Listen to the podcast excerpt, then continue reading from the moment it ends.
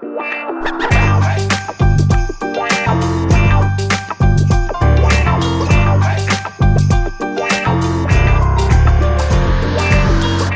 welkom bij een nieuwe aflevering van een podcast over voeding. In deze podcastserie gaan we in op de wetenschap achter voeding en laten we wetenschappers aan het woord over allerlei thema's die met voeding te maken hebben. Bart Mol van Foodie is er natuurlijk weer bij. Hoi Bart. Ja, goedemorgen Arnoud. En volgens mij gaan we eigenlijk een beetje richting de laatste broodje Jaap van dit kalenderjaar. Ja, ja dat is zeker. En nu ik het zo een beetje hardop aan het uh, zeggen ben, dan is dit inderdaad uh, wel de laatste. Dus uh, ja, er komt nog een eindejaarsuitzending aan, uiteraard, rond kerst of oud en nieuw. Oh ja. Maar we gaan dan, wij gaan dan denk ik ook even uh, ja, het kerstreces in voor een week of uh, twee, drie.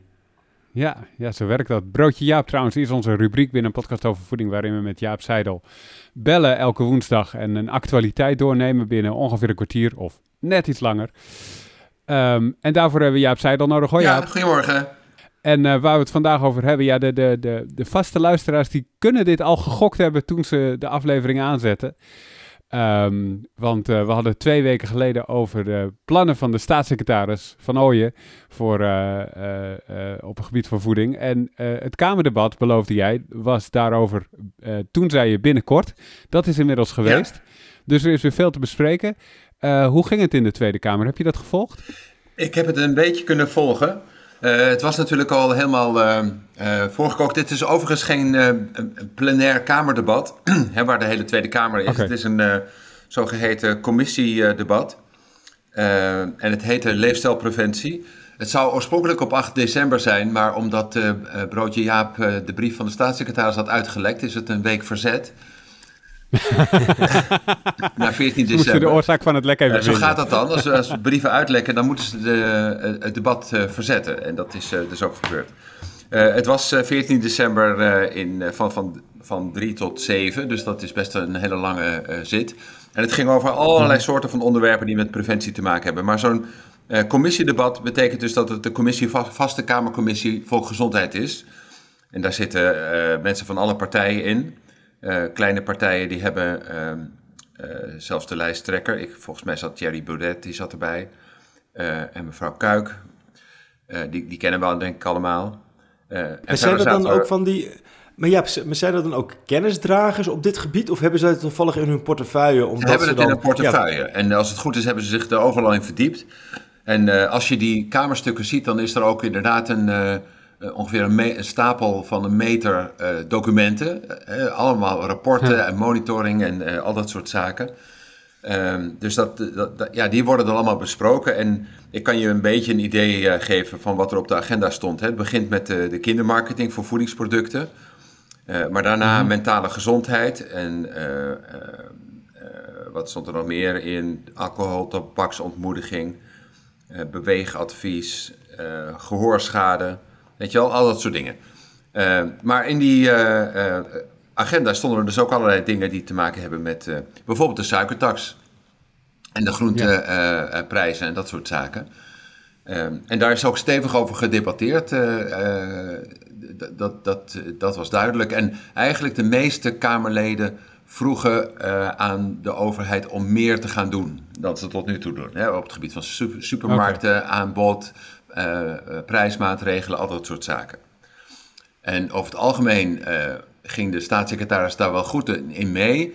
Maar heel vaak zegt hij wel, we moeten niet te hard gaan, want dan verliezen we de consument. Dus dat is ook hele kleine stapjes over de lange termijn. Daar hadden we het al eerder over. Dat is ook wel wat hij een beetje uitstraalt. Aan de andere kant, ja, hij probeert toch ook wel echt grote stappen te zetten. Dus dat is een goed, goed idee. En heel vaak moet er dus nog onderzoek gebeuren. Hè? Dus we hadden het al een keer over uh, groente en fruit en de BTW. Nou ja, en dan blijkt dus dat wanneer je het juridisch gaat uh, uitzoeken, dat er zoiets is als een neutraliteitsbeginsel. Dat wil zeggen, uh, als mensen, dat wil zeggen consumenten, spinazie à la crème eigenlijk hetzelfde vinden als gewone verse spinazie, dan mag niet het ene product onder de BTW-tarief vallen en de andere niet dus wat, uh, uh, als consumenten zeggen, oh dit is toch ook groente, appelmoes, noem maar wat. Uh, dan, is het, dan is het dus ook groente. En, en, dat is dus lastig om uit te zoeken natuurlijk. en dat wil hij wel gaan uitzoeken. Dus hij heeft er haast achter gezet. Begin in januari 2023 moet dat, moet dat onderzoek starten. En dan wil hij eigenlijk op korte termijn toch wel dat besluit nemen om die btw-verlaging naar 0% voor op groente en fruit erdoor te krijgen. Hoe, hoe, hoe kijk jij er zelf naartoe, uh, Jaap? Dat je ook denkt van dat dat ook. Is het iets voor de bühne? Of denk je dat dit ook echt daadwerkelijk ook realistisch nee, is? Ik denk dat, dat als, je, als je het ondoordacht doet, dat je dan een heleboel gezeur krijgt hè? Van, uh, van fabrikanten en van, uh, van consumenten die ineens met, met hun favoriete groente, hè, wat zij altijd als groente eten, ineens met een, een geen verlaging zitten. Maar met name de producenten zullen dus uh, procederen en zeggen van uh, ja, volgens ons is dit ook gewoon groente. En dan ja, precies, want dat, want dat was hetgeen wat Alexander Renoy kan ook in zijn uh, show toen ook aangaf, een paar shows geleden. Dat hij zegt van, ja, dat hij er zelf een hard hoofd in heeft. Omdat je zegt, ja, je krijgt eerst een enorme de definitiekwestie en vervolgens nog een handhaving. Of gaat de Belastingdienst dit dan doen? Of hoe, hoe, hoe moet je het volgens weer integreren met de systemen? Naast het feit dat jij al een keer hebt gezegd van ja, voor die paar cent, die 9% daling, gaan mensen niet direct andere keuzes maken. Dan heb je toch een, toch een groot percentage prijsstijging of een prijsdaling nodig om mensen prijsbewuster van te maken, toch? Ja, ik eh, denk ook dat je meer hebt aan subsidies dan aan, aan btw-tarieven. als het gaat om het stimuleren van de gezonde keuze. En ik denk dat het alle twee een beetje moet. Hè? Kijk, het is natuurlijk zo. Het was vrij gemakkelijk om die btw-tarieven om, omhoog te gooien. Er was helemaal geen discussie over definities of wat dan ook. Uh, en als die omlaag moet, dan blijkt het er allemaal heel erg ingewikkeld. Dus dat zijn natuurlijk. Het is niet voor de bühne, maar het is denk ik wel goed om het uit te zoeken. Hè, want dat, dat, daar is natuurlijk ook best veel verwarring. Hè, en het, het, je zou kunnen beginnen met niet bewerkte of minimaal bewerkte groenten en fruit, om die onder het 0% tarief te gooien. En dat de rest ja, dat nog uitgezocht moet worden. En er is natuurlijk een categorie waar geen discussie over is. gewoon appels, dat zijn die je bij de groenteboer koopt of bij de supermarkt, dat zijn, is natuurlijk gewoon fruit. En als je uh, een krop sla koopt ook, dan is dat groente. En, uh, en, wortels en dat soort dingen. Het, het, gaat dus meestal over de bewerkte, dan wel sterk bewerkte producten waar een zweem van groente in zit. Is een, uh, een 3% bieten groente wrap, is dat ook nog, een, is dat ook nog groente? Uh, en die discussie hebben ze in de VS, Verenigde Staten gehad. Hè? Ik weet niet of ik het al eerder noemde, maar daar was de discussie over de gezonde schoollunch. En toen barstte de discussie uh, over wat is dan groente. En toen bleek dus dat uh, door gelobby van de industrie pizza als groente gold, tomatenketchup als groente gold, ehm, sinaasappelsap als fruit en... Um, Volgens mij was friet ook. Hè? Friet is aardappelen en aardappelen was ook groente. En dat is dus ook. En dus je mhm. kon gewoon fastfood blijven eten. En dan kwam je aan je 5-a-day uh, groente. Uh, en die scholen gingen daar allemaal in mee. En dat, en dat, betekent dus als je het niet goed uitzoekt van tevoren. Of je, of je, je zoekt het verkeerd uit. Hè? Er zijn allerlei lobbygroepen die uh, natuurlijk actief zijn om een goede deal te maken. Dan zit je eigenlijk met de gebakken peren, om het even maar zo te zeggen, in dit kader. En dat, dat moet je natuurlijk voorkomen. Hè? Dus ondoordachte besluitvorming zonder dat er goed over nagedacht is wat de juridische consequenties zijn. Hè? Die, we hebben het eerder ook gehad over, uh, is Dunkin' Donuts nou een bakker of niet? Uh, en wat is het mhm. verschil tussen Dunkin' Donuts en een gewone bakker die taartjes verkoopt? En wat is het verschil tussen New York Pizza en een Italiaans restaurant? Weet je wel, als je daar juridisch naar gaat kijken, dan heb je kans dat je uh, ja, al, dit, al dat soort uh, onderscheid wat wij denken te maken, hè, want fastfood is ongezond en uh, vers is gezond en zo. Ja, dat dat als je het moet gaan definiëren, dat je eigenlijk niet goed weet waar dat ene begint en het andere ophoudt. Maar even terug naar die commissievergadering, want het was toch wel het eerste moment dat in het openbaar bleek welke partijen wel en niet steun verlenen aan de plannen die er liggen. Ja. Of er positief tegenover staan. Wat was jouw indruk daarvan? Nou, over het algemeen eh, is er veel draagvlak voor meer maatregelen op het gebied van preventie. Mm voor het ene meer, zoals gehoorschade, was meer uh, aandacht voor, denk ik, dan uh, voor alcoholontmoediging bijvoorbeeld. Uh, en je ziet dat ja, de scheidslijn over uh, ja, de, de oppositiepartijen, om het even maar breed te zeggen, die zijn voor meer maatregelen over het algemeen. Uh, de regeringspartijen zijn wat behoudend. Ehm, en ja, die, die scheidslijn is er een beetje. En dan heb je partijen zoals D66 en, en CDA die een beetje tussenin zitten. Sommige onderwerpen wel, andere onderwerpen niet. ChristenUnie is over het algemeen het meest uh, uh, ja, doortastend als het om dit soort onderwerpen gaat. En dat blijkt ook uit de keuze van de staatssecretaris, hè, die, dat, die is van die partij. En ehm, de vorige, Paul Blokhuis, was daar ook van. En dat, waren, ja, dat zijn mensen die zeggen: het gaat bij ons om de gezondheid van kinderen en om de gezondheid van de bevolking. En wij vinden dat, dat wij als overheid daar een taak in hebben. En dat, ja, ja dus de, het, het, is natuurlijk een dilemma, hè, van hoe ver ga je dan in het, in het verplichten? je zag dat, is natuurlijk geen voedingsonderwerp, maar die uh, gehoorschade, hè, dat uh, ja, het geluid van, waar, van, van bands die optreden, dat dat naar, naar beneden moet. En ja, dat, zowel het publiek als de mensen die dat aanbieden, die zijn er niet zo voor. Mm want het, het, het, is lekker, iedereen heeft oordopjes in. En ja, die, die gehoorschade, pas als mensen gehoorschade hebben, zeggen ze van ja, dus er moeten eigenlijk wel maatregelen komen, want ik heb nu een voortdurende piep in mijn oren en dat soort zaken. En zo is het met natuurlijk heel veel van dat soort uh, uh, gezondheidsonderwerpen vaak. Als je zelf de schade ondervindt, dan denk je, nou, er moet maar meer gebeuren. Waarom doet de overheid niet meer? Uh, maar zodra de overheid beperkende maatregelen gaat aankondigen, terwijl je er helemaal geen last van hebt, hè, van de gevolgen van ongezond eten, dan vind je dat alleen maar lastig. Ja, en uh, als je het daarover hebt, dan... Ja, Bart, jij wilde ook iets vragen? Ja, nou, ik had even een vraag aan Jaap. Van in hoeverre weet je hoe zoiets gaat tijdens zo'n commissiedebat dan? Want ik heb ook de Kamerbrief gelezen. Het is een document van 17 pagina's. Ja. Ik vond eerlijk gezegd de informatiedichtheid echt enorm hoog. Ja, dus een beetje elke zin dat ik las van... Oké, wat staat hier? Snap ik het? Hoe gaan ze dat toepassen? In elke bijzin staat zo'n beetje... Hier gaan we nog verder onderzoek naar doen. We gaan het verkennen. Er staan vervolgens vier eh, voetnoten naar referenties... naar andere Kamer stukken, et cetera. Ja, zit er ook allemaal bij, hè? Ja, Dat zit er al, nee, erom. Dus het is eigenlijk, nou ehm, ik bedoel, het is nog behoorlijk veel. Dat, op een gegeven moment dan wordt het wel afgesloten. We gaan dit, dit en dit doen, maar zit daar nog een, een prioritering in? Uh, is dit een, een, een, looptijd tussen nu en vier jaar? Um, ik bedoel, volgens mij, nee, ja, het zijn, je heel mensenleven allemaal... kan je ervoor, ervoor uittrekken. Ja, het zijn natuurlijk allemaal dingen die uh, zoveel mogelijk nog in deze regeerperiode moeten worden gedaan. Hè? Als, uh, en, en dat er enige zorgvuldigheid moet zijn en dat er soms nog wat meer onderzoek moet worden gedaan. En dat stond bij die suikertax eigenlijk ook. Hè. Daar, daar staan ze, er zijn eigenlijk twee manieren om die suikertax te doen. Uh, alleen maar een suikerhoudende drankentax of een bredere suikertax. We gaan onderzoeken wat nou het handigst is en het beste werkt. Uh, en dat gaan we begin volgend jaar doen en dan, neem, dan nemen we een besluit. Hè, dus dat, dat zijn wel vrij concrete dingen. Hè, die stonden natuurlijk ook al in het regeerakkoord, dus dat is uh, dan ook niet zo heel ingewikkeld. Want de regering had zich al gecommitteerd om daar wat aan te doen. Datzelfde geldt ook voor een verbod op kindermarketing. Uh, en dan moet je natuurlijk weer zoeken. Uh, dat, altijd is een, een definitiekwestie. Wat is kindermarketing en wat niet? Ja. Uh, en ehm, eh, voor welke leeftijd geldt dat dan? En moet je dan je kinderen helemaal vrijwaren van elke blootstelling aan kindermarketing? Hoe moet dat dan? En ehm, nou ja, dat zijn ingewikkelde kwesties.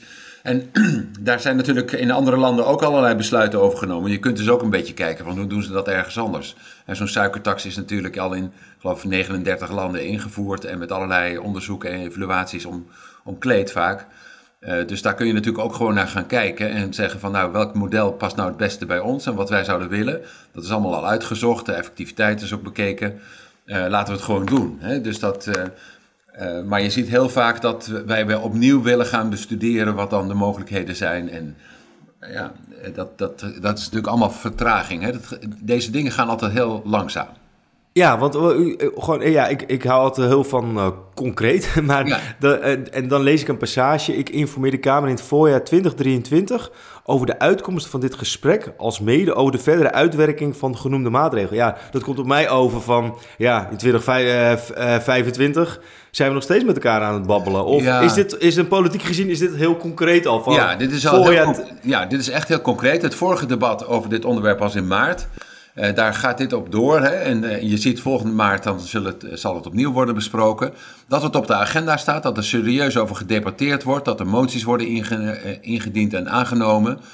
dat er beleidsvoorbereidingen zijn. Hè? Dat, dat is denk ik zoals de politiek werkt. En zoals het nu. ja, dat zijn echt grote stappen. dat moet je niet onderschatten. Hè? Kijk, een. een Een minister die wordt aangesteld, die is in het eerste jaar is die vooral aan het verkennen. Die doet allerlei voorstellen en dan gaat hij kijken wat er kan. Dan wordt er beleidsvoornemens gemaakt, dan moeten wetswijzigingen komen en dat soort zaken. Dat hele traject. En als je een beetje geluk hebt als minister, dan heb je aan het eind van die vier jaar, dan zijn een aantal van die wetten geïmplementeerd en aangenomen. Ehm, en dat, ja, veel sneller kan het eigenlijk niet. En als je, het, eh, als je het rommeliger doet en sneller, dan heb je vier jaar discussie over dat is toen niet goed ingevoerd en het is onduidelijk en allemaal ruzie en rechtszaken en, enzovoort. En dat kost je allemaal nog veel meer tijd. En, maar om, ik wil het even deze vraag stellen, want hij is belangrijk. Als je de maatregelen aangenomen wil krijgen en de wet erdoor wil krijgen, is het simpelweg poppetjes stellen in de Eerste en de Tweede Kamer. Die moeten die voorstellen uiteindelijk aannemen. Denk je dat dat gaat lukken? Ja, dat denk ik wel. er is een breed draagvlak bij politieke partijen om meer te gaan doen aan preventie en leefstijl. Uh, je ziet het ook in de zorg. De, een van de stukken die erbij zat was ook van eh, minister Kuipers. Dat ging over meer leefstijl in de zorg. Uh, daar zitten goede documentaties achter. Het RIVM heeft ge geëvalueerd, er is doorgerekend enzovoorts. Mhm. En de conclusie is, er, komt nu ook geld voor het ondersteunen en het opzetten van programma's uh, die uh, mensen met chronische ziekte begeleiden naar een gezondere leefstijl. Dan kun je zeggen, ja, die was er al, je had al diëtisten en fysiotherapeuten, maar nu komt er extra geld voor het opzetten van goed, goed toegankelijke zorg en effectieve programma's.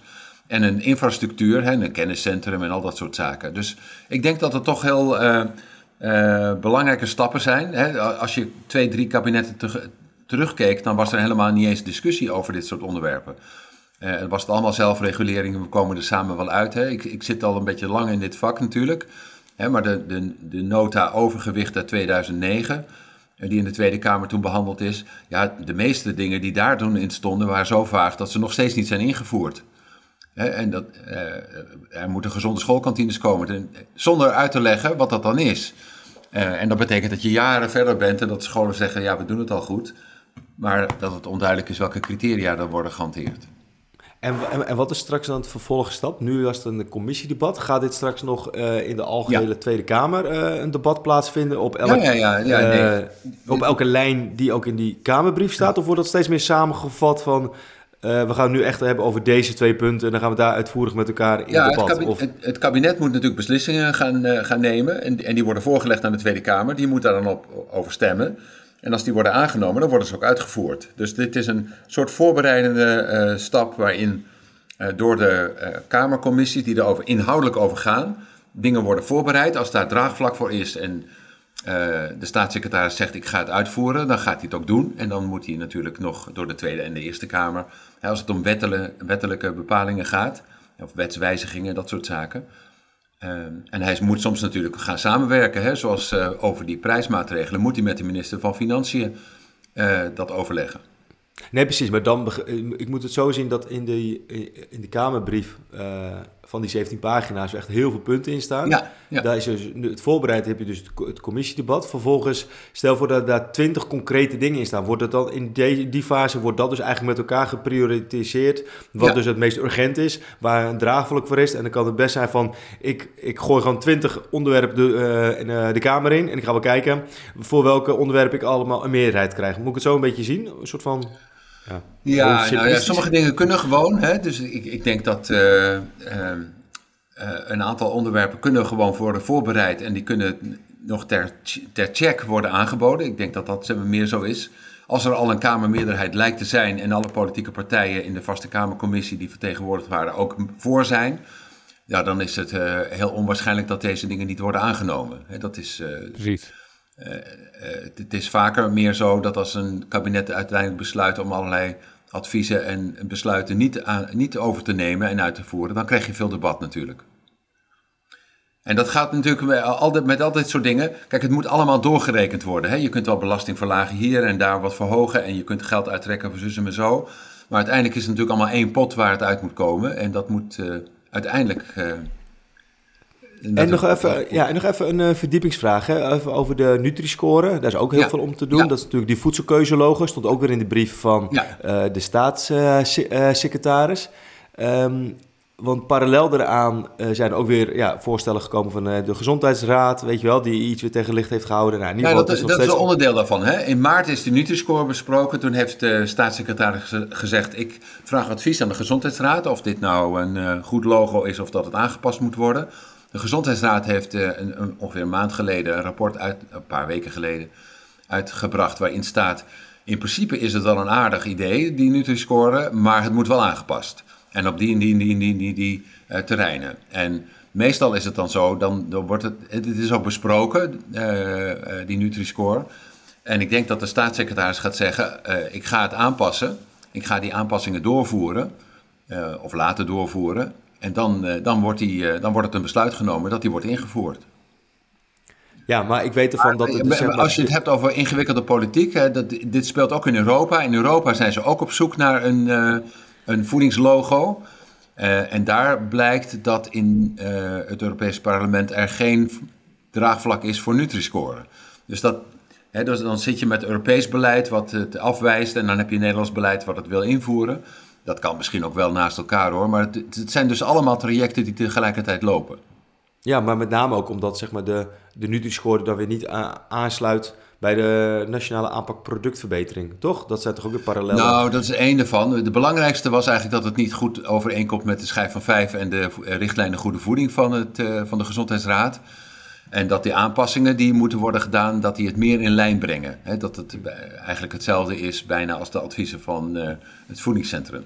En daar heeft het voedingscentrum ook ernstig aan meegewerkt. Samen met een heleboel deskundigen, onder andere ik.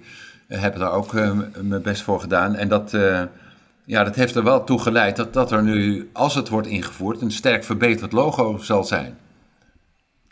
Maar we gaan in een andere show gaan we daar verder op in, ja. ja want dat is een, een, eigen show aan, aan zich. Maar... Uh... Lijkt me inderdaad een goed moment om een, uh, om een uh, punt te zetten ja. achter, uh, achter deze politieke aflevering. Bart, heb jij tot slot van, van deze aflevering nog dingen toe te voegen vanuit Amerfoodie? Nou, um, Eigenlijk meer eventjes een uh, eindejaars uh, dank aan uh, Jaap. Want dit was dan denk ik wel de laatste show ja. van Broodje Jaap voor, voor dit seizoen. in januari zijn we er gewoon uiteraard weer. Um, ja, dus eigenlijk meer voor alle luisteraars. dank voor het luisteren. Ik hoop dat we je hebben kunnen inspireren, informeren. En dat je het leuk vindt. Heb je onderwerpen, topics, feedback? Laat het allemaal weten via de show notes. of word vriend van de show. Kan altijd. Vriendvandeshow.nl slash POV. Als je nog iets nodig hebt, check de webshop. Nog voor de feestdagen of voor onder de kerstboom. Wees er snel bij, want het, ja, het is alweer bijna kerst. En ja, goed uiteinde. En hopelijk dat het ja, voor iedereen 2023 weer een mooi, gezond, goed, gelukkig een jaar mag worden. Niks meer aan toe te voegen. Dankjewel Jaap. Ja, graag gedaan. En tot de vol volgend jaar. Ja. Ja, tot volgend jaar. Dankjewel, Bart. Ja, ja. Geniet ervan. Oké, tot ziens. Goed fijne, fijne kerst iedereen. Hey, later. doei. doei. hoi. hoi. hoi.